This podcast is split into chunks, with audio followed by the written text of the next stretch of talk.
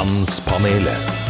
God fredag, alle sammen. Velkommen til podkasten Mannspanelet. Ikke bare er det høst i været, men vi to karene som sitter og driver med denne podkasten, vi er jo også i ferd med å ta fatt på livets høst. Jeg heter Gunnar, nylig fylt 48 år. Livets Jeg har to barn og bor i Bærum, rett utenfor Oslo. Jeg har hus, bil og båt, og hver uke så setter jeg meg ned sammen med deg, Vegard. Hei, du. Som snart også er 48 år. Eh, det blir det 20. november. Og det husker jeg fordi at eh, det er da vi er eh, sammen med Norwegian Sports Travels i England, nærmere bestemt Liverpool, og skal se kamp. Det er helt sjukt. Eh, ja, Du er også tobarnsfar, bosatt på Kongsberg, hvor nå enn det er. Uh, noen, uh, noe lenger utenfor Oslo, i hvert fall. Så forutsetningene er jo mye av de samme. Samme alder, litt samme bakgrunn også. Men vi er vel også ganske to ulike personer. Jeg vil mene det. Ja, ja, ja. Og likevel så møtes vi ukentlig uh, for å samtale om det harde livet som mann. For ja, vi er menn som har hatt uh, skikkelig momentum i noen tusen år. Eh, 10 000 år, jeg vet ikke hvor, mange, hvor lenge er det mennesket har vært her? Tre- 300 000 år eller noe sånt? Ja, det, det her er ikke noe ikke levd så lenge, men sånn- vi har vært, sheriff, vi har vært sheriff fram til vi ble født. Ja, det vil jeg jo påstå. Men da det gikk ja, den såkalte moderne mannen, han som både skal være skikkelig mann og myk på samme tid, han står overfor noen utfordringer. Og disse utfordringene føler vi på begge to hver eneste dag. Og det er det vi ønsker å på en måte lufte litt i denne podkasten her, da. Jeg nikker for de som ikke Ja. hørte det. Mannspanelet. Uh, ja, og så må vi nevne våre fantastiske T-skjorter. Uh, med takket være Nils så har vi fått trykket opp Mannspanelets egne T-skjorter. Og i forrige uke så hadde vi litt forskjellige aktiviteter der vi skulle dele ut T-skjorter til dere lyttere.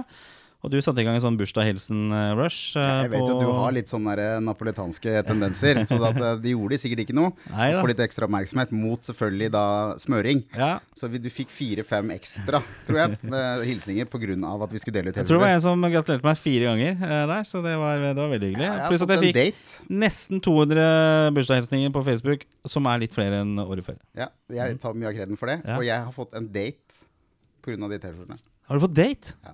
Jeg vil dra det så langt. Det er mulig vi kommer til å krangle på det her etterpå, men det var i hvert fall inngangsport. Ja, kjempebra. Eh, så var det også Jeg la ut på Instagram at man skulle tagge en ekte mann. Eh, det har også kommet en, en del der. Og jeg syns den var veldig søt, den her. sånn Denise, som hun heter, har nominert Matti. Eh, og som eh, hun skriver i sin nominasjon fordi han er et multitalent innen sport. Fordi Liker han er, ja, Matti. Ja. Og fordi han har en skarp hjerne, og fordi han har knekt kvinnekoden. Eh, og det er vel kanskje en fyr vi må snakke litt nærmere med, denne Matti. da Stripperen, stripperen Matti Nyken. Nei da. Har knekt kvinnekoden. Uh, Ja, han er død, så det kan neppe være han. Uh, så det blir T-skjorter både på Dennis og med denne fantastiske Matti, og også på et par av disse som har sendt eh, bursdagshilsninger. Og vi skal sende av gårde de etter hvert. Første post ut. Vi har en gjest i dag, det kan vi avsløre med en gang. Hun sitter her klar, men vi, hun må være stille mens vi holder på her. For vi skal videre til uh, machoposten. Mannspanelet.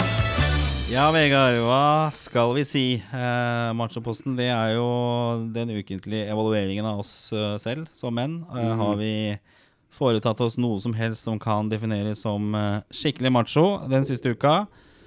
Du har et litt sånn skrått smil, eh, Gundersen, så jeg ser at du har faktisk gjort noe mannlig til en forandring i Eh, forrige uke. Og det nå er jeg spent, fordi jeg kan starte. ja, start, da. Start, da. Ja, jeg- For, eh, Dramaturgien kan være at jeg avslutter, for den, her er det mye bra i dag, altså.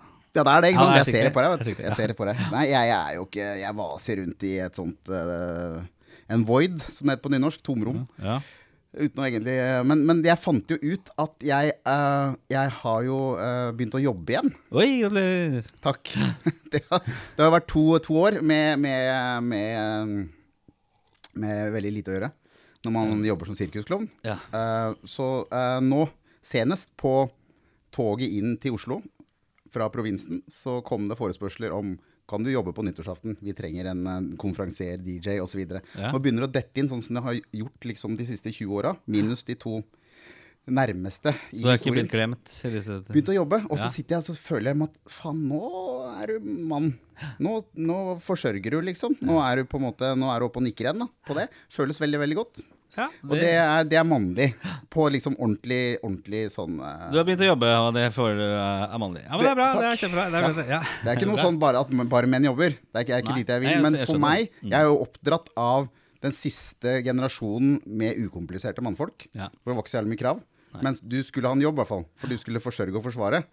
Nå trenger jo ikke vi noen av delene, men det, jeg har vokst opp med at det er liksom det du skal. Ja. Så det føles godt. Jeg skjønner den. Jeg syns den definitivt hører under Machopostens uh, statutter. Takk skal du ha. Uh, jeg har også en del ting da Først og fremst vil jeg fortelle en ting Jeg var på hyttetur i helgen Uh, Og under matlaging så skar jeg meg skikkelig i den venstre pekefingeren Au. Eh, Og den burde kanskje vært sydd Jeg trodde det i hvert fall når jeg tok av plasteret Så ser jeg at uh, det såret er jo ikke så stort Er, er alle de episodene dine like bra som den er, eller? Nei, det, det, blir, det blir bedre, det blir bedre ja.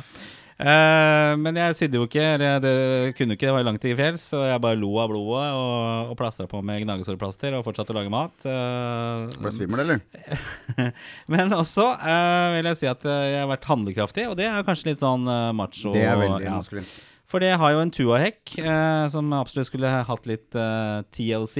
Litt eh, tender love and, and care. Og jeg fikk da bestilt en anleggsgartner som har i, faktisk i dag eh, tatt denne tubahekken, og den, den ser helt smashing ut. Eh, og så har jeg også uh, Jeg skal ha opp båten.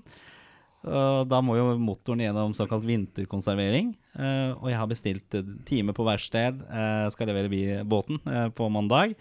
Eh, så eh, nok en gang handlekraft. Altså to handlekraftige ting på en og samme uke syns jeg er veldig bra. Du har vært Eh, handlekraftig og, og fått andre til å gjøre jobben for deg. ja, og så har jeg kjøpt, ja, har jeg kjøpt presenninger til utemøblene eh, og til båten. Så det er klart for, for vinteren.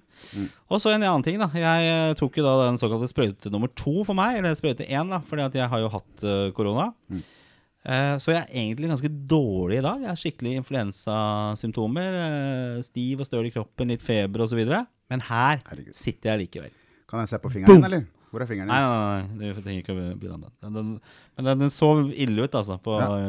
søndag, var det Ja, faktisk. Der er den. Jeg tok av plass i stad. Ok, eh, bra. Takk. Da lukker vi Machoposten for denne uka og gleder oss vilt og hendelsesløst til neste uke. Da skal vi introdusere dagens gjest. Mannspanelet. Dagens tema. Som også da blir dagens eh, tematikk her i Mannspanelet. For vi skal da introdusere gjesten eh, for hun. Ja, eh, det er nemlig en hun. Hun er regissør, sosiolog og lektor. Hun har master i sosiologi, litteraturemner i engelsk, japansk og fransk litteratur og praktisk pedagogisk utdannelse. Hun har også 20 studiepoeng i portugisisk litteratur og 10 studiepoeng i portugisisk grammatikk. Hun har også eksamen i norrønsk språk og nordisk litteratur. Nylig ga hun ut musikk med bandet Lunula. Eh, Og låta Ivana Kupula. Det er ikke omvendt. Det er Kupala. Det kan ikke stemme alt. Nei, eh, og det er en glede å ønske deg, Stine Sandnes, velkommen til Mannspanelet. Eh, blir helt svett av den der CV-en her. Er, er det noe jeg har glemt? Eh, ja, det hørtes fint ut. Tusen takk. Ja, Skal vi ta tak i noe av dette her, da? Disse, denne portugisiske hangen. Hva, hva, har du vært på ferie i Portugal? Og Du Nei, har der ikke, har du har ikke vært på ferie når du har en sånn CV. Eh, nei. Eh, jeg studerte spansk i Mexico, og, mm. og så fant jeg ut at Og så visste jeg ikke helt hva jeg skulle gjøre etter det videregående, så da hadde jeg et år der jeg tok uh, portugisisk og spansk litteratur. Ok. Ja. Men det er jo litt sånn at du liker latino-menn, eller er det Eh, kan jeg si ingen eh, kommentar? Jeg liker, nei, eh, Er ikke de sånn skikkelig egoistiske sånn eh, Hva heter det da? Eh, Er det ikke det? Det har jeg hørt. Eh, jeg liker alle menn, holder på å si. Det er ikke hvis jeg, skal, jeg skjønte at du, du prøver at jeg skal Nei, Nei.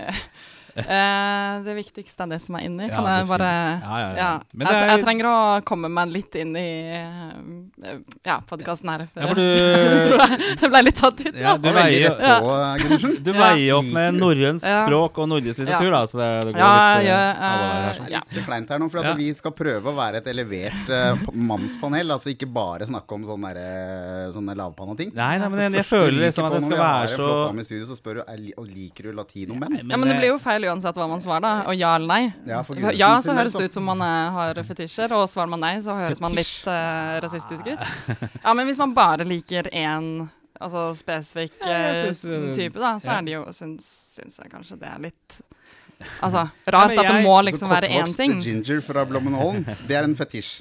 Ja, Latinomenn, inkludert meg, da. Det er jo, Ja, ja, da ja, ja. snakker vi om en verdensdel. Ja, men jeg liker f.eks. er brunetter. er en Det syns jeg er veldig ålreit. Hva sa du? Jeg liker altså brunetter. Altså Hvis min CV har på en måte vært veldig mye brunetter her, da.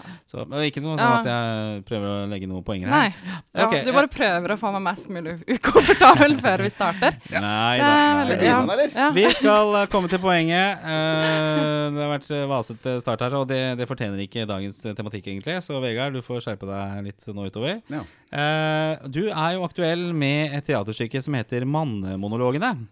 Eh, og det er jo da en forestilling som baserer seg på intervjuer av elleve menn om sine hverdagshistorier.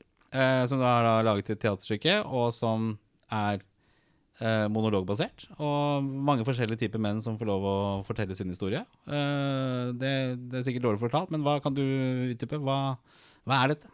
Ja, eh, nei, det starta jo først med kvinnemonologene, mm. som også var basert på intervjuer med masse forskjellige kvinner, og så valgte jeg de intervjuene Uh, som jeg følte fortalte en bra historie. Så hvert intervju er på kanskje to til fem timer, og så komprimerer jeg det til ti minutter. Um, så um, uh, ja, det begynte med kvinnemonologene. Man må jo starte med seg selv, Ja. så da gjør jeg det.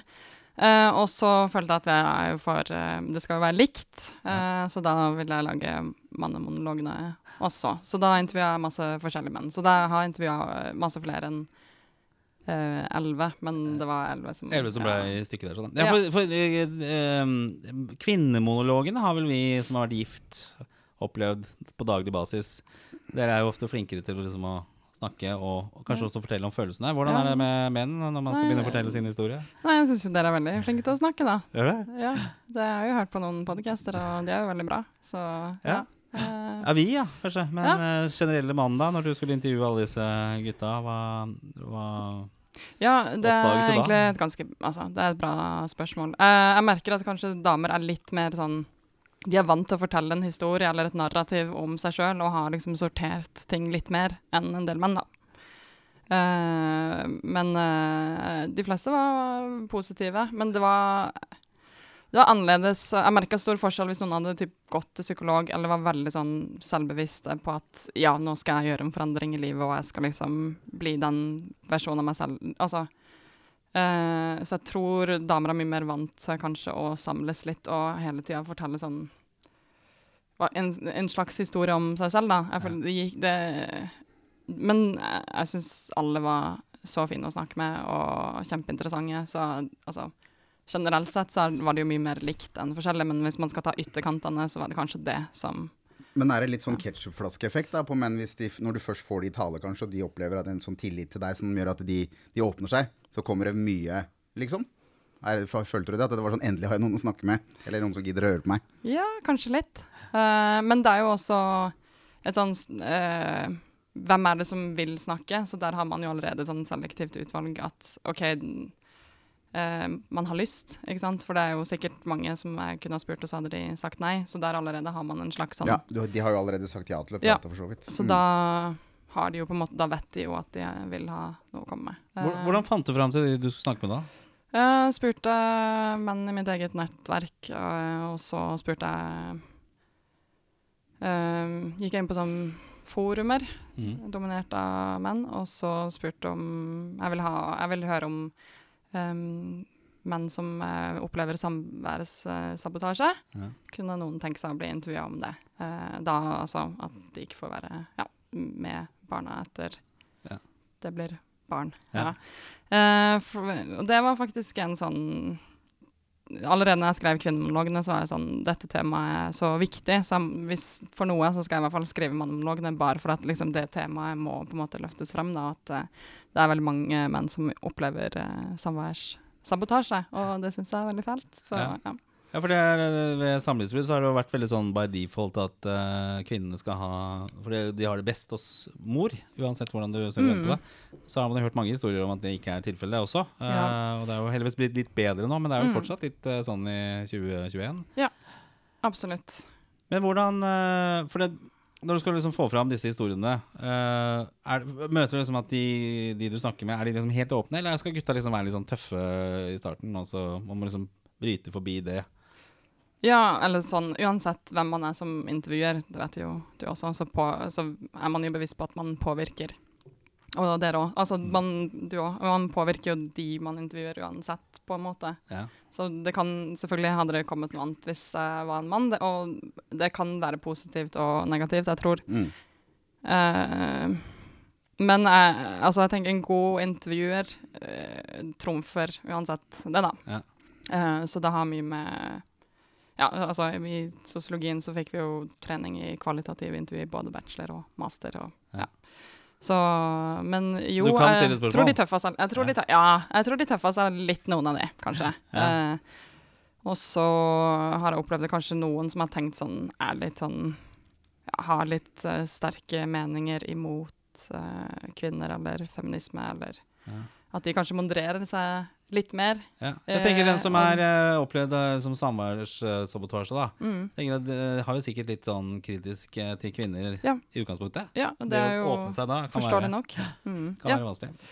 Men uh, de jeg intervjua, syntes det var veldig fint, og eh, jeg tror de følte seg veldig uh, støtta. Og det, kan jo være med på liksom eh, Ja, kanskje skape en positiv effekt, at de ser at det også er damer som mm, ønsker Som lytter. eh, ja, som lytter, og Ja. som ønsker å støtte de og Det er jo ganske fælt. Altså, det er, jeg kan ikke forestille meg hvor fælt det må være å oppleve at liksom du blir sett på som en ukompetent forandrer bare fordi at man er mann. Altså Samlivsbrudd med barn involvert er vel den største årsaken til selvmord blant menn Mm. på opp vår alder. Og selvmord er det faktisk fram til vi blir 50, Gunnar, som er det som er mest størst sjanse for at vi dør av. Ja. Så det er liksom ikke en sånn der, det er ikke noen sånn sutregreie på en sånn isolert eh, i en sånn isolert forum på Facebook der. Det er jo, jeg har gjort eh, et par TV-programmer også om dette her, og ble jo overraska hvor lett det var å finne.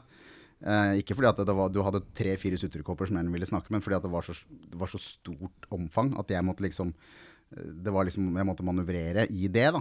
Og det overraska meg. Mm. At det var Ja, det, ble, det var liksom eh, Det var så vanlig. Og jeg husker jo det også for egen regning, når jeg gikk gjennom den prosessen, hvor man plutselig bare ved å gå og være inn og ut av et kontor, fikk liksom fra det offentlige en, sånn- en merkelapp på hva slags uh, omsorgsperson du var. Uavhengig. Mm. Og om det var du som hadde alltid lagt barnet og sunget for barnet, eller hva som helst. Det var en sånn mal, og hvor det var liksom ikke noe, ikke noe skjønn eller noe Det var, det var veldig sånn mekanisk. Og fram til jeg var i den situasjonen selv, så hadde jeg tenkt at jeg er bedre til å snakke for meg enn veldig mange menn. Og jeg har bedre sjans i det rommet. For du er antageligvis en kvinne du skal snakke med, og så sitter ekskona di der. Så jeg klarer meg bedre der. Og de andre er sikkert bare sånn mannfolk som slår i bordet og er sånn typisk mannfolk, da. Frustrert. Men jeg hadde jo ikke noe å si. Det var for dette var på en måte bare en sånn mal. Det var litt sånn der når du skal ta karusell på, på Tusenfryd, så må måles. Hvis de er under 1,50, så får du ikke være med. Nei. Det var, litt, var så mekanisk. Det var veldig rart. Og så er det vel også mye kvinner i systemet nå som eh, sitter og tar, tar beslutninger. Eller tar samtalene ofte. Altså, det har også vært min erfaring jeg har også gått gjennom det samme. Og det var jo en vegg av kvinner som man møtte i, i den verden der, som ble, gjorde det litt vanskelig. Og det er jo ikke noe Ja, det burde kanskje vært litt mer eh, menn i det. Men det får vi skylde oss sjøl, da, som jeg ikke har eh, tatt de jobbene i det hele tatt. Vi må inn der. Vi må, vi må, det- vi må rekruttere mannfolk i eh, Hva heter det for noe? Bufdir, er det det? Ja, det, synes jeg, Det er for dårlig betalt, Jeg skulle vært til familie... Hva heter det? Familievernkontoret, ikke det? Ja, vært der. Og så bare Vi kjører heller søppel kjørt. enn å jobbe i Bufdir, for det er bedre betalt å kjøre søppel enn å er redde ferdig, andre mannfolk. ferdig tidlig også, det er det. Eh, var det andre typer menn da som du Sånn som typiske menn, altså de som uh, opplever samværssabotasje? Det er jo tungt. Men er det andre ting? Det var en, en jeg, jeg bet meg merke i. Det var jo han stakkars eh, fyren som var i ferd med å bli liksom utradert i sitt eget hjem. Mm. Eh. Gitaren hans ble borte, og, Ja. og litt sånne ting. Altså Menn som bare er med, og et slags møbel som ikke passer inn Mm. helt lenger. Ja. Er, er, det, er det en typisk mann også der ute nå? I, i, kanskje våre dager, da? Hvor ting skal passe på Instagram, og du, du kanskje ikke passer inn sjøl. Bare nei, gå litt unna, du, når jeg skal ta det bildet her. Ta bort den stygge gitaren. Ja, nei, jeg, jeg tror eh, Jeg tror jo altså Det er jo et, Det er vel flere damer som er glad i interiør enn menn. Jeg er ikke en av de, eh, men uh, ja, jeg kunne ikke brydd meg mindre, så jeg får veldig mye hjelp av mamma. Men uh, Så du får mammastil? Uh, ja. Mm. litt sånn ja, Peter Pan-syndrom akkurat der. Men eh, nei, jeg tror det er en del menn som er litt sånn Altså at det bare skjer, på en måte. At uh, det, var, det er mange menn som kjenner seg igjen i den, og mange damer som også kjenner seg igjen i hun dama som er den som liksom Ja, men nå er vi jo sammen, og jeg ønsker Altså, det er jo godt ment. Ja. Altså at man ønsker å liksom pusse eller ordne og fikse leiligheten og gjøre det fint, ikke sant. Ja. For at uh, kanskje man tenker at ja, men jeg er jo dame og jeg har alltid vært glad i interiør, og så spør man ikke mannen fordi at man tenker automatisk at han ikke er interessert. Eh, og det er jo ikke eh, Eller, tilfellet ikke, heller. eller ikke har peiling. Eller ikke har Ja, ikke sant. Ikke, Hver, hvert forslag som bare Nei, Ja, men kanskje litt kan ikke ha den fargen der. Ja. på samme måte som at menn noen er ganger søt. føler at vi er nødt til å ta på oss den der litt tøffe rollen. da Og gjøre de, eh, de der fysiske greiene. Fordi det er forventa av oss. Så kan det jo være at damer også opplever eller tror at det er forventet at de skal Ja. kunne lage mat og, og, og fikse opp hjemme og, og være litt som har litt sånn det genet, da.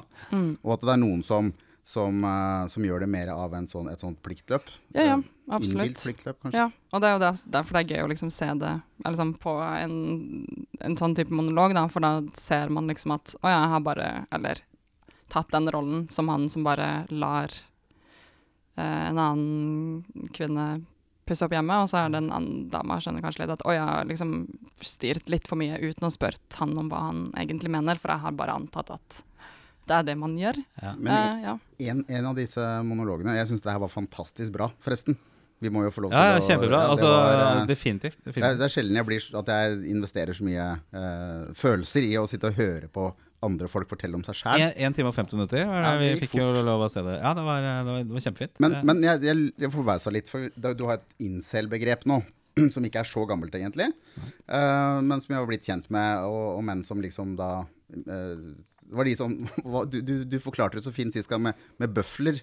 Hva var det for noe? Hjort, og bøfler på Serengeti? ja, det var på steppene. Eh, altså, ja. Ja, det er noen menn som får seg, noen andre får ikke. Ja, det var noen tigre eller løver, og så var det noen Noen blir jakta på, noen blir ja, ikke jakta på. ja. Og noen, ja, selv om de stiller seg opp, eh, så blir de ikke felt. Eh, og det er jo noen som opplever det. Eh, men jeg tenker jo i en, et, et, et, et samfunn nå da, som vi menn opplever at disse tradisjonelle liksom Chuck Norris eh, eh, parameterne våre har blitt blir liksom latterliggjort. At disse, disse gutta som, som en av de i dette stykket eh, eksemplifiserte, ved at han var den som aldri Han var liksom ikke noe bad boy.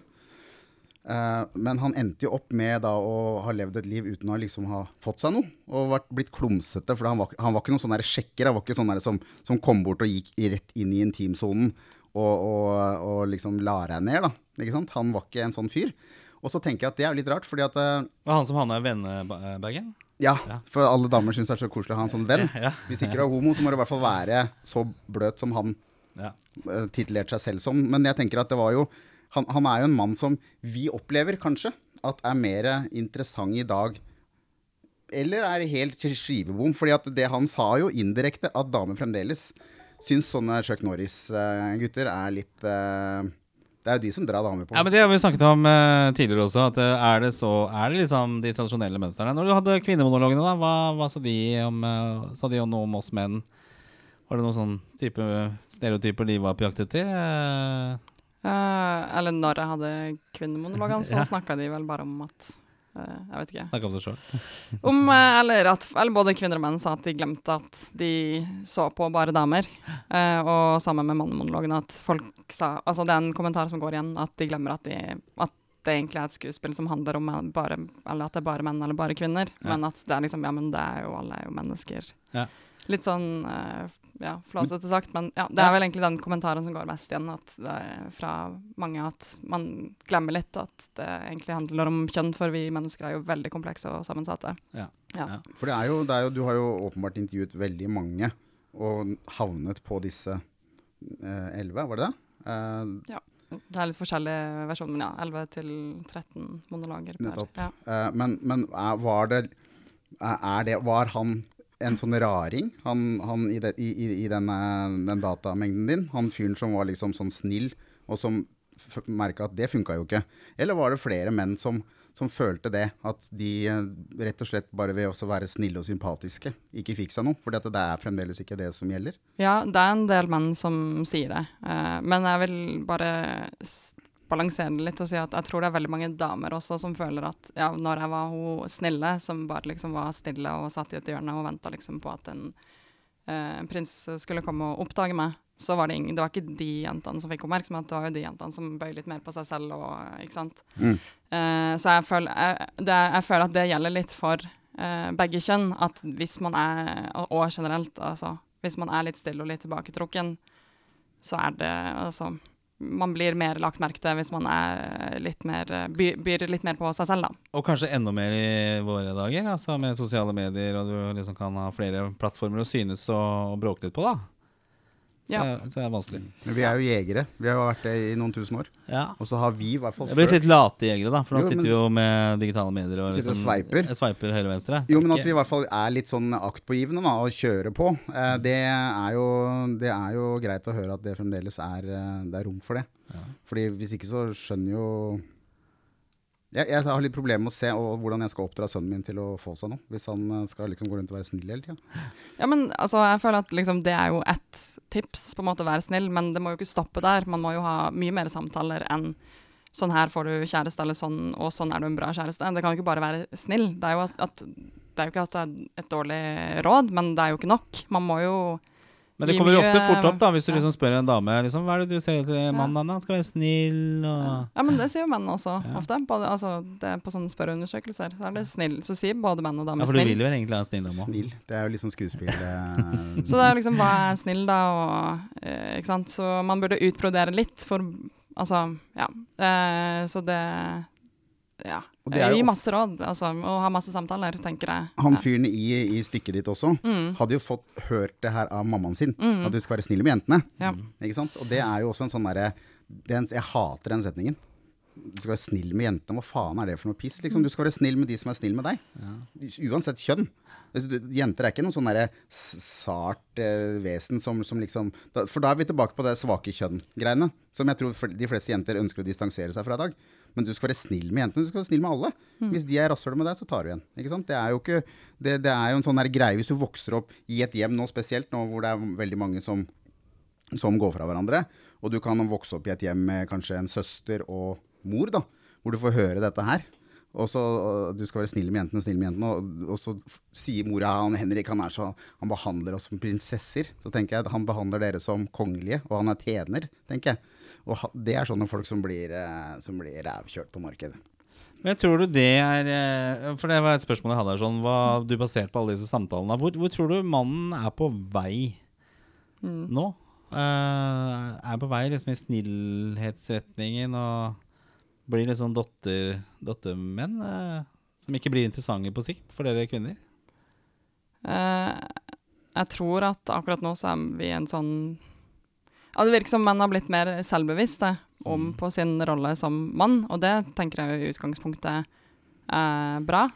Mm. Uh, og, at, eh, man ikk- og at man stiller litt spørsmål ved altså, hva slags negative og positive kjønnsstereotyper har jeg, blitt, har jeg sosialisert. Og så er det noe som er bra, men sånn, og så er det noe som kan være dårlig. Så jeg tror Altså, eh, jeg, jeg er egentlig ganske optimistisk, men jeg tror at det på en måte Det gjør jo vondt å på en måte må ta en sånn reality check om hvem jeg er, og hvem er min rolle som mann, eller hvem er min rolle som kvinne. Det kan gjøre Det kan føles litt ubehagelig når man har liksom kanskje vokst opp med en type mannsideal, og så Jeg vet ikke. Og, jeg, for- føler man at det, at det ikke funker lenger. Men jeg syns jo Jeg tenker jo at det er jo så mange forskjellige måter altså, å være mann på. Altså, det er jo ikke bare én maskulinitet, det er mange maskuliniteter, og damer liker masse forskjellige typer menn. Altså, og mennesker er veldig fleksible. Man kan eh, date, altså, date, gå fra å date en akademiker til en musiker til en Altså, det er jo Ja, folk har som regel ikke bare én type. Og den kanskje endrer seg litt gjennom livet også? Altså, Ja, fra- Absolutt. Du, du, du er kanskje litt mer i tiden, eh, kanskje som bad boy, eller altså, Som alle kvinner som jeg har vært borti opp gjennom årene, har jo hatt en sånn periode med sånn bad boy-type. Og så kom det til deg. og så kommer jeg, da, pleaseren, liksom. eh, eh, etterpå. Nummer to. Ja, ikke sant? Den som Ja. kan beklage deg litt tidlig og sånn. Og Ja. sånn. Ja, men sånn er ikke jeg. eh. Men så er jeg jo singel i dag, da, så det er jo ikke oppe så veldig mye, egentlig. Så, eh, og jeg har jo også prøvd å spille den badboy-fyren også, men jeg syns det har vært vanskelig. Jeg har ikke klart den. Men jeg har, har liksom klart å Cap gjøre sånn. meg selv attraktiv i en bar eh, ved å være litt sånn badboy-type. Hva gjør du da? Da bare gjør jeg egentlig motsatt av det Du har lyst til å gjøre det? jeg har lyst til å gjøre. Ja, men jeg har jo, man har jo lyst til å være hyggelig og sånn, men eh, Du må ikke det du blir ikke så veldig interessant. Altså, når liksom Vegard da på sosiale medier herjer rundt og provoserer folk og får masse oppmerksomhet på det, eh, mens jeg legger ut noen sånne ting, så får jeg ikke noe oppmerksomhet i det hele tatt. Du må jo provosere litt. Det var derfor liksom, kanskje innledningen med, med denne samtalen også, at uh, det å liksom ja, Liker du Liker du latinomenn, liksom? Altså, det kan kanskje være litt provoserende. For at, uh, det er jo egentlig stikk imot at hvordan jeg ville ha stilt spørsmålet. Uh, for jeg ville ikke ha stilt spørsmål i det hele tatt, så jeg tenkte jeg kanskje bestemmer bestemme meg for å gå over en alle For at disse elleve monologene, da, ikke sant, dette teaterstykket ditt For det har jo gitt veldig mye fasetter, og jeg kjenner meg jo igjen i veldig mange av disse rollene her sånn. Eh, og hvis man overspiller den ene rollen, så havner man jo i den der kategorien som, hvor man, disse menneskene sitter og er litt destruktive i forhold til sin egen eh, tilværelse. Da, ikke sant? Og det, en del av det som også går igjen, er jo dette at man, det forventes at man skal være mann. At det også på en måte slår litt eh, feil ut. da Og vi har jo diskutert det, Vegard, at vi er jo i ferd med å smuldre litt opp som menn. ikke sant? Det der, du hørte jo denne machoposten vår i starten av, uh, av sendinga. Det, det var jo ikke noe å skrive hjem om i det hele tatt. Det, det er ikke noe som imponerer noen i det hele tatt. Altså Unnlater å sy et lite, lite, bitte lite kutt i fingeren, eller er litt tjufs etter en eh, Ikke sant? Det Altså, mest triste er jo det at vi prøver jo å være alvorlig i den posten. ja, ja, vi Det er prøver sånn vi, vi pinsepost. liksom virkelig henter fra bunnen av hukommelsen, eh, og er et eller annet vi har gjort. Så jeg vet ikke hvor dette spørsmålet begynte hen, men jeg tenker i hvert fall, det har i hvert fall bevisstgjort meg litt på de ulike fasettene, at man kanskje må spille litt ut de ulike delene av seg selv. Man skal Mm. kunne være snill, men samtidig kan han være litt badboy og liksom eh, være litt tøff og i trynet også. Det, det er ikke noe som Men det man ene er jo utelukker ikke det det. andre. Jeg, jeg, jeg, det er mulig, nå må dere Ja, men folk er jo sammensatte. Du har jo forskjellige fasetter i livet ditt. Du kan ikke bare si at du er den ene eller andre. Det handler om å utforske de forskjellige delene av eh, hvem du er. Jo, men jeg, nå, jeg, nå ble jeg 47. Jeg kan ikke plutselig bli en sånn du blir 48. Ja. Ja, det er riktig. Jeg ble 48. Faen, ass. Det har gått fort. Ja, 50 Du, jeg, eh, altså, nå, blir jeg snart 48. Eh, jeg kan jo ikke plutselig bli en sånn sympatisk, uh, likende, eh, lyttende dude, jeg. Jo, du er det Fordi, nå. jo, men jeg er det. Men så Ja, de har hatt mange dype, gode samtaler, Vegard. Som du ikke har på, på mikrofonen her, men som du har på andre. jo, jeg sier ikke at jeg er dum. Jeg sier ikke at jeg er uintelligent. Jeg mener at jeg har noe å komme med. Men jeg har ikke etter 48 år opplevd at det er med på å lande noen avtaler med noen damer. Og nå snakker jeg ikke bare om sånn sex og Jeg har hatt et forhold bak meg på 19 år. Så jeg har liksom eh, som jeg har vært eh, Det var det det var med, med ekteskap og barn og den biten, liksom. Og det er jo så forbanna gammel jeg er ikke. To så det er ganger en åtte stor, er en stor del av livet mitt, da. Så jeg er ikke noen sånn fyr som liksom har sånn statistikk over hvor mange jeg ligger med og så alt det Det er ikke det jeg vil. Særlig, det er det, har jeg vi jo selvfølgelig. Nei, jeg veit ikke hvor mange jeg ligger med. Neida. Men hør nå. Det er, det er damer til stede her. Ja, po poenget mitt da er det at jeg kan ikke plutselig nå bli en sånn fyr som jeg eh, hørte om i den, eh, de monologene dine. Som var en sånn fyr som sitter hjemme og sutrer fordi at eh, jeg er for usynlig, for snill. da Du kan ikke, du kan ikke være alt. Jeg er sånn som jeg er nå. Innfunnet meg med det. Og så uansett i kraft av å være så gammel jeg er nå, så begynner jeg å bli ganske uinteressant på markedet. For ikke, hvis ikke du er hypp på å ha med to unger og masse nagging og, og, Nå skal du snart på kost, da. eh, På etter kvelds. Så da til kvelds, Kan bryte inn med å si at han eh, fyren da, som eh, er litt sånn tøffel i forholdet, han hadde hatt sex med over 300 damer, han også. Ja. Ikke, ikke mer Ja, enn det? Yes. Uh, nei, ikke mer enn det. Ja, man jo sikkert lyst. Uh, så det er jo liksom Ja, folk er jo sammensatte, men det tok jeg ikke med i, i monologen. For da liksom Det er jo ofte at hvis man tar med informasjon som er litt sånn ikke relevant, så blir man litt sånn opphengt i Ja, men hva med de 300 damene? Når kommer de tilbake i monologen? Og så er det jo en annen mann der som har hatt sex med veldig mange damer, så bare for å holde det. Men folk er jo veldig sammensatt, og man, er, og man har jo forskjellige roller i forskjellige situasjoner. Man er noen andre på jobb Mm. enn man er på date, eh, eller ikke sant. Men man er jo fortsatt seg selv, da, men det er noen sider som kommer tydeligere fram enn andre, og jeg tror Altså, mange som kanskje er i den derre snill, eh, men det er vel jeg si, det er mange sånn snille damer òg, som jeg tror har følt på det at å, jeg var hun snille, men guttene vil jo bare ha de Altså de andre jentene som på en måte ikke er liksom, hva skal jeg si, så tålmodige og eh, ja, eh, snille som Mm. meg, som liksom er litt mer eh, på, da. Ja. Um, Litt rampete, Ja. kanskje? ja, altså det trekker jo um, mer oppmerksomhet, så jeg, jeg tror uh, Men um, um, Åh, nå mista jeg tråden. men, Jo, men uh, ja. Jeg tror mye av det ligger der i at man danser rundt den samme gullkalven, da. Selv om man ikke har, har de samme forutsetningene, liksom, uh, for å komme først i mål. Så, så veldig ofte når jeg hører på sånne der, som er i sånn borderline incel-landskap, mm. får meg aldri noe sånn, så tenker jeg at ja, du, du jakter jo på Du må jo skjønne det, at eh, du får jo ikke hun der. Ikke sant? Du må ha litt grann reality check. De aller fleste mannfolk som går rundt og, og fantaserer om disse Hollywood-stjernene, de går jo rundt med damer som ikke ser ut som det. Men det er jo for at de ser jo ikke ut som Brad Pitt og, og Tom Hardy sjæl heller. ikke sant? Sånn at du, på et eller annet nivå så må du liksom klare å skjønne hvor du skal leite òg. Hvis du sitter hjemme og blir incel frivillig bare for at ikke du får ligge med Jennifer Lopez, så er det ikke noe synd på deg. Og det er mange som tror jeg bare Du havner nevner mye incel, Vegard. Er du, du er ikke redd for å bli det sjøl? Liksom, du sitter og spiller TV-spill hjemme og sånn. Altså, du, er ikke, du er ikke redd for at du er i ferd med å bli der? Nei, det, for incel er ufrivillig. Ja, så frivillig. Ja. Hvis, du, hvis, du, hvis du er sånn som meg nå, som tenker at eh, hvis det detter en perfekt dame i fanget mitt, og ikke perfekt sånn som type sånn, med, nå tenker jeg sånn utseende og seksuelt, men men en som er perfekt for meg, og som jeg kan være perfekt for, som detter rett foran meg, som jeg kan utvikle noe sammen med, så gjerne. Det er jeg med på. Men jeg føler at jeg er ferdig med det løpet hvor jeg går rundt og leiter etter eh, folk, da. Så da sitter jeg heller og spiller PlayStation sammen med kompisen min. Men det er jo for så vidt en befrielse også. kikke på damer. Jeg gidder ikke mer. Jeg er ferdig med det, liksom. Men, men jeg er ikke ferdig med å la meg fascinere av, av en, en vakker dame, eller også la meg fascinere av kvinner som kjønn. Overhodet ikke. Jeg, men jeg agerer ikke på det lenger, da. Sånn som jeg gjorde for uh, 10-15 år siden. Nei. Og da, det er ikke, da, da er du ikke incel.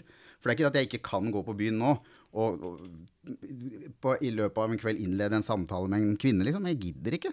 Da drikker jeg heller kaffe. Ja, ja. ja. Kan jeg bare En liten begrepsavklaring. For at en ting er jo Altså, incel er jo ofte de som blir brukt om de som sitter på nettet, og i tillegg har litt sånn red pill eller black pill.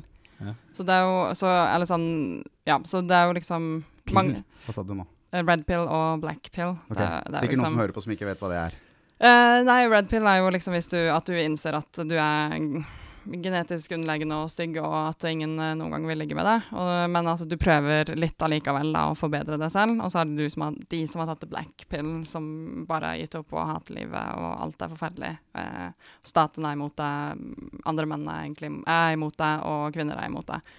Og du blir aldri valgt. Så det er jo liksom så ins, altså, I hvert fall sånn som jeg har jobba med det, for jeg er med i et prosjekt som skal jobbe mot uh, radikalisering eh, på nett, og lage noen filmer der. Der jeg intervjuer og, og så, så det er jo liksom én ting å være ufrivillig uh, jomfru, men en annen ting er å være incel for in, altså, men Det er mer, incel er mer det, det er mer enn bare å ikke få sex. Det er også at man er litt mer Altså sitter på nettet og er med på den ideologien, da. Men nå tror jeg at det blir kasta Nå kommer det til sikkert å bli brukt som et begrep om menn som eh, lever i ufrivillig sølibat. Okay. Men er det Eh, ja. flere menn som havner i Ja. det, det svarte hullet der, eh, enn kvinner?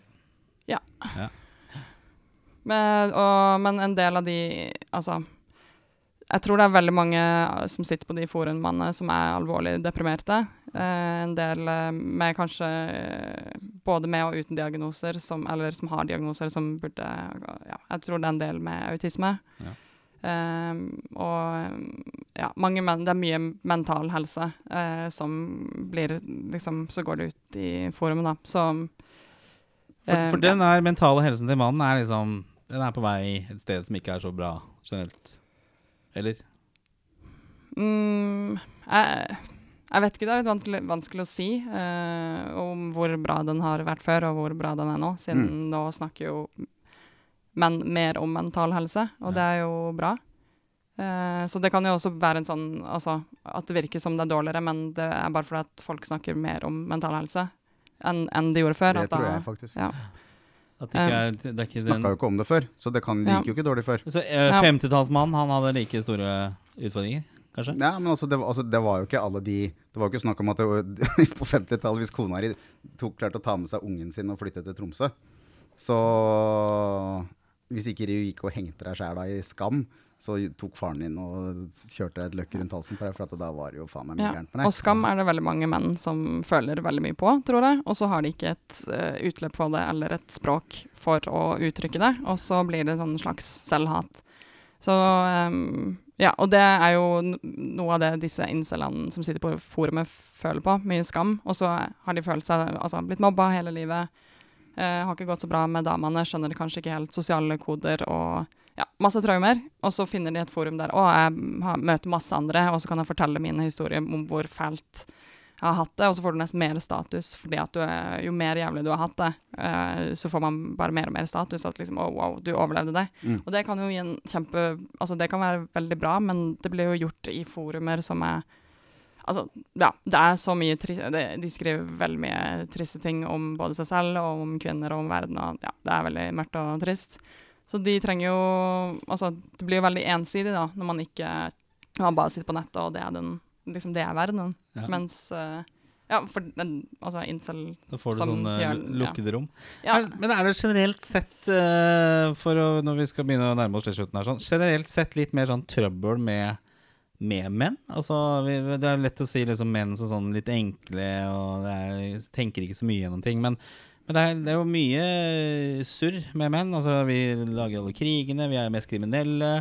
Eh, vi sliter kanskje mest i de ulike fasettene av livet. Både pubertet, tenåring, og kanskje også at vi er dårlige på å bli gamle, for at en del av disse manndommene blir helt borte. da Håret ramler av, og potensen blir borte, og kroppen uh, falmer ja, videre. spesielt hvis man er skilt, Ja. ja, eller ensom da. Det er veldig beskyttende faktor. Tror du ikke kvinner har litt problemer med å ikke se Nei, men jeg tror 22 de, ut uh, hele livet? det tror jeg de klarer, i hvert fall bedre, da. Kvinner syns jo Sean Connery er kjekk ennå, han er jo 131 år. Og død. Jeg hadde aldri hatt sex med Wenche Foss. I hvert fall ikke nå, da. Men du må ikke tenke på sex hele tiden, da. ikke sant? Det annet tidspunkt så må du Damer fallerer jo når de bikker etter Ja, ferdig russetida, liksom. Men mannfolk Jeg er 40 nå, og kan jo høre at jeg er attraktiv er lenger. 15. Jeg er 50. Ja, ja, men det, det er ikke så lenge til. For etter hvert så blir det en sånn sur, gammel gubbe som ikke er noe særlig attraktiv. Det er, noe, det er, det er fåtall som ser, er Brad Pitt og blir liksom ser finere og finere ut med åra. Altså, vi, vi er, det er turning point, da. Ikke sant? Det er kanskje Veldig- tøffere for oss. destruktiv du. Ja, men altså. er, er det riktig? Er det riktig? Eh, Si det, da. At det ja. er riktig. Ja. Um, ja, det var egentlig ganske, det var ganske mye å svare på. Så jeg Ja. tror jeg, da, begynner jeg å på, da begynner jeg å svare på noe som jeg har lyst til å ta fram. Ja. som jeg, det, jeg syns det, det. var interessant. Det er en psykiater og hjerneforsker som heter Alan Score. Og han har forska på gutter og deres eh, hjerneutvikling. Og da eh, er konklusjonen det at mm, ja, det er vel kjent at eh, gutter har en senere emosjonell utvikling enn jenter. Eh, og det gjør at gutter ofte er mer usikre, og de griner mer i, i barndommen. Og så har man et samfunn som på en måte skal lære gutter å være tøffe og ikke grine og sånn. Og så et barn på ett eller to år skjønner jo ikke at ja, nå, skal, nå, nå får du en manndomslekse sånn, og forberede deg på det harde livet. Det føler seg jo bare forlatt og, og avvist. Uh, så man, man har jo Og det er jo forferdelig å tenke på. Så liksom de som trenger det mest av omsorg og kjærlighet og trygghet og kos og klem, de får det minst. Eh, og det gjør at gutter blir veldig ofte dominerende i å eh, hva skal jeg si, rampete i barnehagen, da, fordi at de egentlig skriker etter oppmerksomhet og kjærlighet. Eh, og så eh, Der allerede starter det med litt sånn uheldig for menn, da, at, eh, at man kanskje gir mindre eh, kjærlighet og trøst til de, for man tenker at ja, men han, sånn skal man ikke gjøre, da bortskjemmer man de på kos. Mm. Eh, når de egentlig, de eh, egentlig bare Det er det eneste de vil ha, det er jo barn. De skjønner jo ikke at De, de føler bare en avvisning. Så allerede der eh, eh, Det er jo et, et dårlig utgangspunkt. Så jeg tenker hvis man får en hel generasjon Det hadde, det hadde vært veldig spennende å se om samfunnet kunne snudd der. Alle i Norge var litt sånn OK, greit, nei, vi skal altså Jeg mener ikke at man ikke skal sette grenser. Man kan si ja, jeg skjønner at du syns det er dritt at vi må gå fra lekeplassen nå, men du kan velge mellom å gå nå eller eh, om 30 sekunder. Men eh, jeg skjønner at du er lei deg. Altså, det betyr ikke at man ikke skal sette grenser, men eh, ja, det er veldig trist å tenke på at man i kjærlighetens navn da liksom oppdrar Ikke gir eh, den omsorg og trøsten til gutter som griner. Jeg vil heller tro det var motsatt. For jeg syns at eh, mødre har jo helt vegring mot å si nei til sønnene sine. De, sønnen min hadde ikke gått, hadde det ikke vært for at jeg var til stede. For hun gikk og bar han helt til hun ble skeiv i ryggen. Og han hun nesten ikke klarte å bære henne lenger. Og hun, han, han klarer å vikle henne rundt lillefingeren Mm, ja, men det, hele tida, liksom. ja, ja, men det finnes jo alltid noen altså, eksempler der det ikke er sånn. Men det er også en fare ved at man ikke kan sette grenser. Det er jo viktig, men man altså Og så sier jeg ja, vi skal gå nå, på en Ja. måte. Det er jo ikke sunt for barn heller å alltid få det som de vil. De Mm. kan velge mellom eh, blå eller rød is, og så er det det. De skal ikke få bestemme om de skal gå nå eller seinere i et middagsselskap, eller om pappa skal være med på tuller eller ikke. Det er jo bare helt tullete. Eh, barn må bli satt uh, tydelige grenser for, men de må få altså uh, ja, en slags trygghet. en større trygghet. Det er mye enn- kvinner i disse, disse i- første institusjonene, barnehage Mm. f.eks. Og da er det jo, for jeg har jobbet et år som daglig leder i en barnehage som uh, ekskona mi starta. Um, og da følte jeg liksom at det var veldig mye sånn du må ikke slå. Og da var det gutter som ble be lagt begrensninger på, på ting som jeg tenkte at hvorfor kan han ikke slå? Han tok jo traktoren hans, liksom. Faen, du må jo slå. Hvorfor ikke det, liksom? Det var en foranledning der. Men det, man skal liksom ikke tillate eh, mannlige reaksjonsmønster Ja. fra starten. da. Men hvis de gråt, så det jo, fikk de jo masse oppmerksomhet. Mm. Eh, og det var heller motsatt. da, Sånn at jeg følte at eh, ja, men la dem nå slåss, da. Mm. Og ja, men det er jeg enig i, men bare under trygge Altså litt Ja. mer Altså at er, Jeg tror det er veldig fint for eh, gutter og jenter, men kanskje spesielt eh, gutter, eller det er noe forskning som Uh, sa det at uh, da, gutter er litt mer uh, hva skal jeg si, wired towards sånn rough and tumble play. eh, og det stemmer Altså, jeg, også- jeg elska å slåss da jeg var liten. Og jeg liksom slåss med en gutt, og så var liksom fedrene våre møttes etter skolen, og så var det sånn Nei, dere kan ikke slåss mellom hverandre, må dere stapper. Jeg husker også jeg slåss ja. mye med Elisabeth på Ja. skolen, faktisk. Vi slåss ja. Fordi hun tok eh, ja, lekene hun dine. tok tak i Og jeg ga vel henne juling, men det var bare så vidt. Det var det. Men nå har det vel skjedd litt på dette med omsorg. Og med, vi hadde jo Are Sende Olsen Osen eh, på besøk forrige uke, og vi snakket om de gamle vikingene. Og da ble jo vikingguttene, eller de barna, ble jo tolv år, sendt til Viking. Eh, og der var det neppe noe særlig omsorg. De, ja, de fikk vel omsorg, men det var ikke mye kos, tenker jeg. De, de fikk eh, den gjengen der. Neida. Så det, det har skjedd litt med, med oss menn. Men, Men det var eh, ikke alle som drøy Viking, da. Det var ca. 20 Ja, av befolkninga, og så var er resten hjemme på gården. Det er Og så en annen ting, det var veldig mye sk eh, Altså, Skalden hadde jo veldig høy status. Mann som var flink til å dikte, det var liksom, ja noe av det beste å være. Så flink til å dikte og skrive kjærlighetsdikt og dikte det er vel sånn. fortsatt, er det ikke det? På en annen måte. Ja, musikere. De Ja. er jo Ja, Damer det elsker musikere. Sitter en musiker her Ja. som har sikkert forsynt seg godt av eh, den, eh, den delen der. vil jeg tro. Mhm. Sier ingenting. ja. Uh, bra. Men uh, uh, nå har det vært litt korona og sikkert ikke så veldig mye forestillinger og sånn. Hva er planen videre med både kvinne- og mannemonologene da, eh, Stine?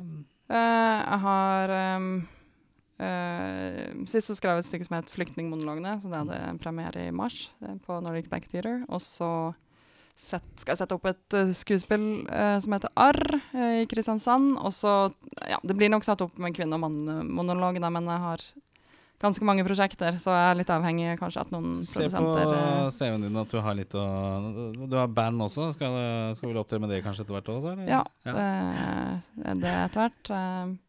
Ja, og så er det disse filmene da som jeg lager for KUN, som er en organisasjon som jobber for likestilling og mangfold. Og ja, man skal også ha noe sånn eh, menn og jobbe for å forhindre selvmord blant unge menn, og lage noen filmer eh, for det også. Så ja. Veldig Imponerende. 2021-dame, da. Ja, det er det. Og at, mens eh, vi er Vegard, skal hjem og spille TV-spill. Vi må hjem Jo, men det, ja, men det gjør jeg jo. Det gjør jeg også. Du? Ja, ja. Du har tid til det òg, ja?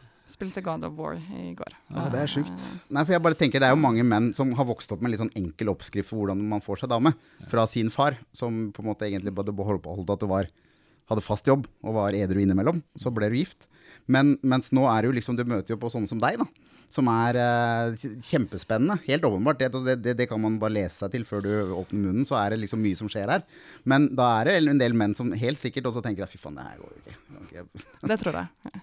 Dæven. Ja, men føler du at du skremmer bort menn hvis du forteller om alt du kan? Eller alltid gjør og sånn. Ja, men jeg pleier jo ikke å gjøre det, da. Nei, men det, det er jo bare å google. Vi har gjort det. Ja, det var voldsomme greier sånn. Men det, du er kanskje i forhold eller singel, eller jeg vet ikke hvordan du ligger an. Men det, det, er, det, er- det er en utfordring, i hvert fall. Og det er kanskje menn er litt sånn skal være, ha det upper hand i et forhold også. Da, da blir man litt sånn skremt av noen som er så Ja, jeg føler at jeg er ganske snill. Jeg er ikke ute etter å Du er later som du er dum. Nei, det er ikke noe, og dette er ikke noe eh, det er ikke noe Jeg liker ikke å liksom sitte og bare Altså at det skal være en konkurranse. Jeg vil jo liksom møte folk der de er. Jeg vil jo ikke liksom liksom vi, altså Det er jo ikke noe vits å være sånn Ja, men jeg kan sånn og sånn, hva har du å tilby? Det er jo helt, det er jo helt dust. Og, altså, Dessuten har du, har du sittet og intervjua menn og latt de ha en monolog, og det må jo være et eh, solid pluss i boka. For det er ikke alle kvinner som jeg har vært borti, som har hatt snakke. evnen til å gjøre. Nei, ikke sant. Men du bare, bare hekte på helt på slutten her, for uh, søsteren hun, hun var litt sånn late bloomer med å få seg fast forhold. Og var i, uh, mange, på mange dater og, og prøvde å lete seg fram. Og hun sa at hun alltid måtte spille dummere enn hun var, og tape hvis man liksom skulle For hun var i veldig god form. Kunne Klatre og masse greier. Men hun måtte alltid la han vinne. For det ble dårlig stemning hvis hun slo ham på ting. Fordi hun var bedre fysisk form, f.eks. Det var det det gikk på. Eh, så var det dårlig stemning. Så hun skjønte at det var dumt på date, og late som at hun var bedre enn han. Ja, nei, stø, forskning støt, støtter eh, ja, det. At eh, menn kan si at de liker eh, sporty damer, men ikke så sporty at de er bedre form enn de. Da blir det dårlig stemning. Du må jo late som om du er mye dummere enn du er. For å hele tatt kunne klare å føre en samtale med sånn som en av oss. da Ja, nei vi, vi, har holdt ut ganske Det er ikke så mye studiepoeng vi har mellom oss, eh, Vegard. Så det, det Nei, Du kaller det for studiopoeng. studiopoeng. Har vi, Det har vi mye av, faktisk. Eh, jeg har et eh, Hvis du kan være her bare noen minutter Bare sånn siste avslutning Jeg har et lite spørsmål som har kommet inn her Sånn som er litt interessant I forhold til eh, disse mennene vi, vi diskuterer Liten pause Mannspanelet. Uh, og det James Bond har jo premiere i dag Når vi, vi, denne podcasten kommer ut Og da har vi fått et spørsmål her sånn Fra Bjørn uh, Henning uh, Larsen Som sier eh, følgende Er James Bond utdatert Eller vil han funke også i 2021? Meg først. Ja, som mann Ja Han, had, han dra, had, Sånne som James Bond drar jo damer så det smeller etter. Altså Ja. Fordi at James Bond er jo ikke bare Jeg ser på James Bond mer som en sånn Jonas Gahr Støre-fyr, i tillegg til at han kan skyte. Fordi han kan han kan navnet på 30 rødviner, han kan eh, navnet han, han, han, kler seg fint, han kan masse, lest masse, eh, kan sitere kjente poeter. Han er ikke bare sånn som flyr rundt og skyter folk og kjører fort med bil. Han er en mangefasettert eh, figur som jeg tror fungerer like bra i dag i forhold til det der med å, å dra damer eller være attraktiv, da. For å bruke et litt mer respektert uttrykk. uttrykk. Stine? Minus, minus ja. skytinga. Ja, hva tenker du om James Bond? Jeg tror alle liker folk som har uh, god selvtillit. Og handlekraft. At han handlekraft. ja, jeg tror folk liker folk som har uh, selvtillit og vet litt hva de vil. Både menn og damer. Og kommer i en kul bil og smoking og sånne ting. Det, det kan jo ikke være Ja, det er fint, det. Ja. Mm. Du, hva syns du, da? Eh, Takk for at du spør. Det var veldig hyggelig. Nå følte jeg meg sett uh, her. Det, det, er ikke så ofte. fint. det. Nei, det er ikke Nei, jeg uh, har jo sett noen av de gamle eller eldre James Bond-filmene. Uh, det hadde jo ikke funka i det hele tatt. For det, da er det på en måte utdatert. Det er litt sånn, det er litt sånn flau smak i munnen. Det er jo overgrep han foretar seg på disse damene. Ikke sant? Det er sånn Han begynner å kline med dem, og så er det voldsom eh, motstand, og så bare faller de inn i hans armer, og så er det Men greit. de het jo, de hadde jo masse kule navn, de damene. Ja, ja uh, On the Top og Pussy Galore og sånne ting. Så de, de, de la jo ikke noe mellom heller eh, i den tiden der. Men nå, nå har vel James Bond tatt noen steg videre også, blitt litt mer moderne. Men det kan hende at uh, figuren nok er eh, Dette er siste filmen vi ser James Bond-figuren, tror jeg. Men etter Double O eh, Og nå er det jo en dame, så vidt jeg forsto, som, som er en Double O-agent her. Så da har vi liksom politisk korrekte, da. eh, En kvinne som har på en måte overtar. Eh, og, og sikkert er i takt med samfunnet også. Svart, antageligvis, da. Ja, hun er svart også. Hun er det, ja. Svart kvinne, ja. Mm. Transe? Eller bommer jeg nå? Nei, det er ikke, det er ikke så Men det holdt med svart kvinne, det var Nei, det. men jeg tenker, det her har vi diskutert før, ikke sant? At det, det, det er kanskje det man må få inn for at folk skal liksom få opp, uh, få opp øya for rasisme og, og alle utfordringene i verden. At du må liksom du må få det liksom trygt ned i trynet, da. Selv om uh, de som på en måte har et normalt forhold til dette, her kanskje syns det blir litt mye av og til. Men jeg tenker at det er fint. Så ja, det, det, det håper jeg. Altså at neste James Bond-film blir en svart kvinne som er 007. Det gjør ikke meg noe. Nei, det er jo bare film. Det er ikke på ordentlig. Det er ikke det. Kan jeg spørre dere et spørsmål også? Ja. Eh, altså, du sa når vi snakka tidligere, så sa du at du følte at menn har at mista noe på veien. Hva er det du Kan du utdype hva menn du føler menn har mista på veien? Nei, og det, det er et godt spørsmål, og vi har jo ikke helt klart å finne ut av hva det er. Det er bare Mm. en sånn Det er en følelse. Ja. En, en, et, noe som ligger i underbevisstheten som murrer. Og det kanskje kommer mest til uttrykk for uh, det, det, altså rene sånn Være handyman, være liksom tøff, være den som liksom tar de tøffe takene. Altså At det på en måte er borte, og, og erstatta med å lage mat og, og klesvask og sånne ting. Særlig når det er alene, si, forsørger, eller at nå er en alenemann. Så, så det, er en sånn, det, er ikke noe, det er ikke lett å sette fingeren på hva det er for noe. Det er bare det at jeg, jeg føler at jeg liksom ikke er noe Jeg er ikke den mannen som mannen en gang var. Da. ja, er det at du lurer på om det er greit at du tar plass, på en måte? Som du kjenner litt på? Ja, at eh, man må liksom holde litt tilbake, eller føle at eh, det er du, du, du, du skal liksom være liksom pleaser, eller i hvert fall for det, da. Mm. Det er liksom pleaser at man ikke tør å liksom trykke gassen helt i bånn fordi at det, det er ikke lov lenger, eller jeg, jeg vet Men hva, ikke, hva er det å trykke gassen i bånn, da? Hva legger du i det? Nei, eh, å tørre å være mann, da. Tørre å ta Ja. litt plass, og tørre å være litt, uh, være litt til stede. Og Ta for deg. ja, ta for meg. Det kanskje har noe med alder å gjøre også, at man blir feigere med årene også. Og redd for å bli en sånn uh, gammelgris også. Jeg vet ikke, det er vanskelig å si. Men eh, det er, det er så mye innenfor dette spekteret her sånn, som, som bare ligger der som en sånn snikende følelse, som er så vanskelig å definere med én ting. da Dette skulle jeg gjort. Men det kan være sånn som Hvis du er gammel gris, så betyr det at du har vært gris hele tida. Ja, men menn er jo griser hele livet. Bare Ja, men det er bare ikke greit når du blir gammel, da. Ja, men da er det verre, syns jeg. Det er, det, det er Det er jo veldig kontaktsbasert, da. Altså, Gir man en kompliment til en dame som man har en god tone med, så er jo det veldig hyggelig. Men hvis man gir liksom Man er 80 år eller, og gir liksom prøver seg på sekretæren som er 18, så er det litt sånn Og hun tydeligvis ikke vil. Så, er, så det er jo veldig mye som er kontekstbasert, tenker er, jeg. Ja, det er ikke Ja. greit mer. ja. Nei da, og det er vanskeligere å finne ut av hva som er riktig kontekst òg, kanskje. Vi har jo lurt på dette her, og vi snakker oss litt sånn frem og tilbake og, og ut og inn av dette her hele tida, uten å vite hvor, hvor på en måte nullpunktet er. da.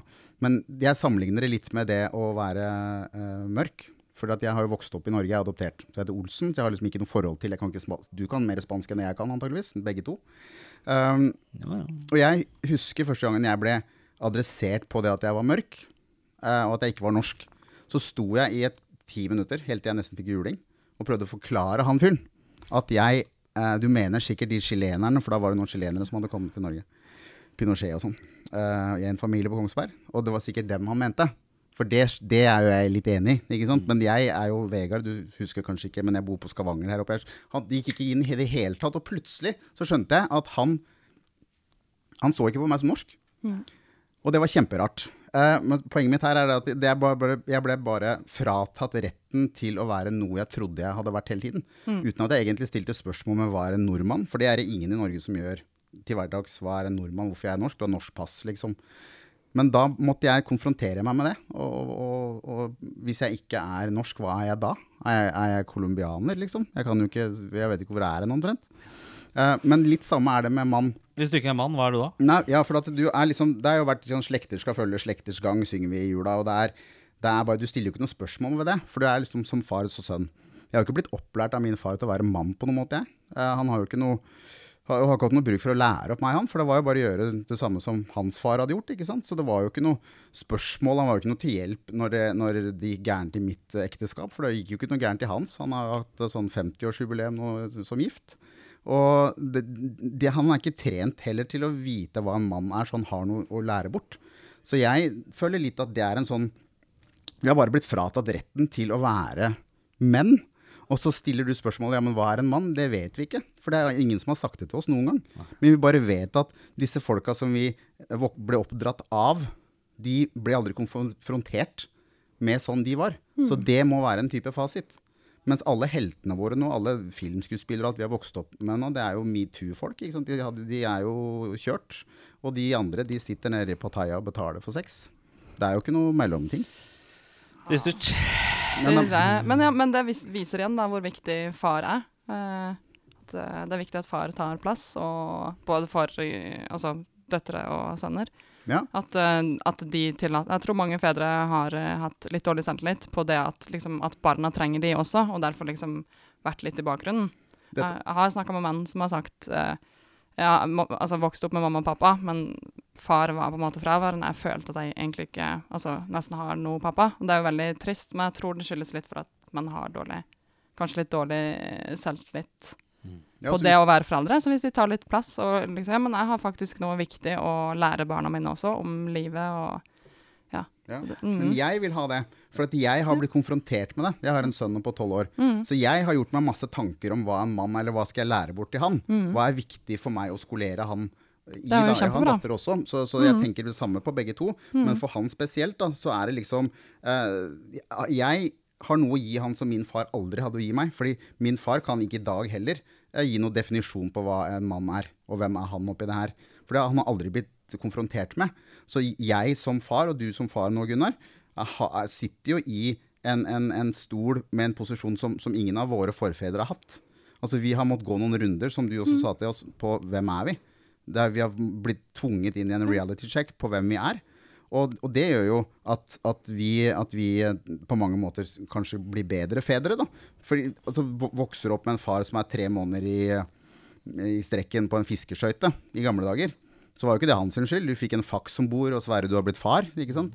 Men, men han, selv om han hadde vært hjemme Han hadde ikke noe ønske om å være mer hjemme antageligvis heller. Du savner, men du savner alltid. Eh, men du, han hadde sikkert ikke så mye å tilføre hjemme, han heller, fordi at du skulle bare være er kvinn, kvinnfolkting. Det skal ikke Ja, ja. Apropos det, jeg må se, nå er podkasten over. Jeg må, må avslutte her nå. For at jeg skal i kveld uh, ha gjester i kveld. Jeg skal lage middag. En kvinnelig gjest? Nei da, det er familieopplegg. Så jeg skal nå fylle mange roller, som både vert, uh, matlager og far og det ene og det andre. Trenger du DJ? Uh, nei. Eller kanskje jeg trengte det. Uh, Stine Sandnes, det var utrolig fint å ha deg her. Kjempespennende. Eh, Takk? Tusen hjertelig takk. Ja, vi har sikkert uh, prata i hjel mye av det du skulle si her, men vi har prøvd å være lyttende. Men vi er, ikke, er vi gode nok på det, kanskje? Nei, vi er ikke Slippe det. gjesten godt nok til? Nei, vi er ikke det. Jo, da Ja, fikk Vi kan, masse. du kan klippe det ned, sånn at det høres at vi faktisk bryr oss. Nei, det- Men jeg bryr meg veldig. Jeg syns det var innmari Ja, spennende. vet du hva? Kjempebra. Det, Tusen takk for at jeg fikk komme. Det var så gøy. Mannemonologene er bare å se, egentlig, for det er godt for både kvinner og for menn. Og at noen har tatt tak i det her sånn. Og, og det er kjempefint. Så takk for at du kom. Ja. Eh, har du gaven der, forresten? Vi skal, Ja, du skal få selvfølgelig en gave fra oss. Jeg får ikke, skjønner En, du. eh, du har fått Men du skal få eh, en sånn flott uh, mannspanel, eller t-skjorte. Ja. Eh, du skal slippe å prøve den på her, Ja. men hvis det er sånn at den det er litt kanskje sånn litt stor størrelse, faktisk. Vi vil at du skal gå med den, ikke bare bruke den når du skal male og sånn. Så hvis den er i en sånn størrelse hvor du tenker at hm, så får du bare ta kontakt med Gunnar. Ja. Jeg ikke jeg, fordi hvis du føler at en, Du du vet det, Gunnar. Ja. Hvis du skal kjøpe klær til en dame, og så kommer du med noe som er tre nummer for stort, så får du en ørefik. Ja, men den, jeg kassa var fullt av folk. Jeg hadde ikke brillene på meg heller, så sorry. Du, det er tenkte ikke jeg ikke på, faktisk. Den Men ikke på eh, Det var ikke meningen. nå tenker jeg jo på den, da. Det er En Excel. Ja, takk Sine. Vegard. Eh, vi er eh, tilbake neste uke. Ta godt vare på hverandre. Tør å være mann, tør å være kvinne, tør å være menneske. Vær snill mot hverandre. Vær litt bad boy, bad girl mot hverandre også. Eh, og så uh, høres vi igjen om en uke. Da vet vi ikke helt hva som skjer da, men det kanskje kommer en gjest. Vi vet ikke. Jeg kommer i hvert fall. Du kommer, og jeg kommer. Tusen takk for at du kom. Veldig hyggelig. Takk for at Ja. du ville komme. Takk for at du kommer. Hei! Mannspanelet.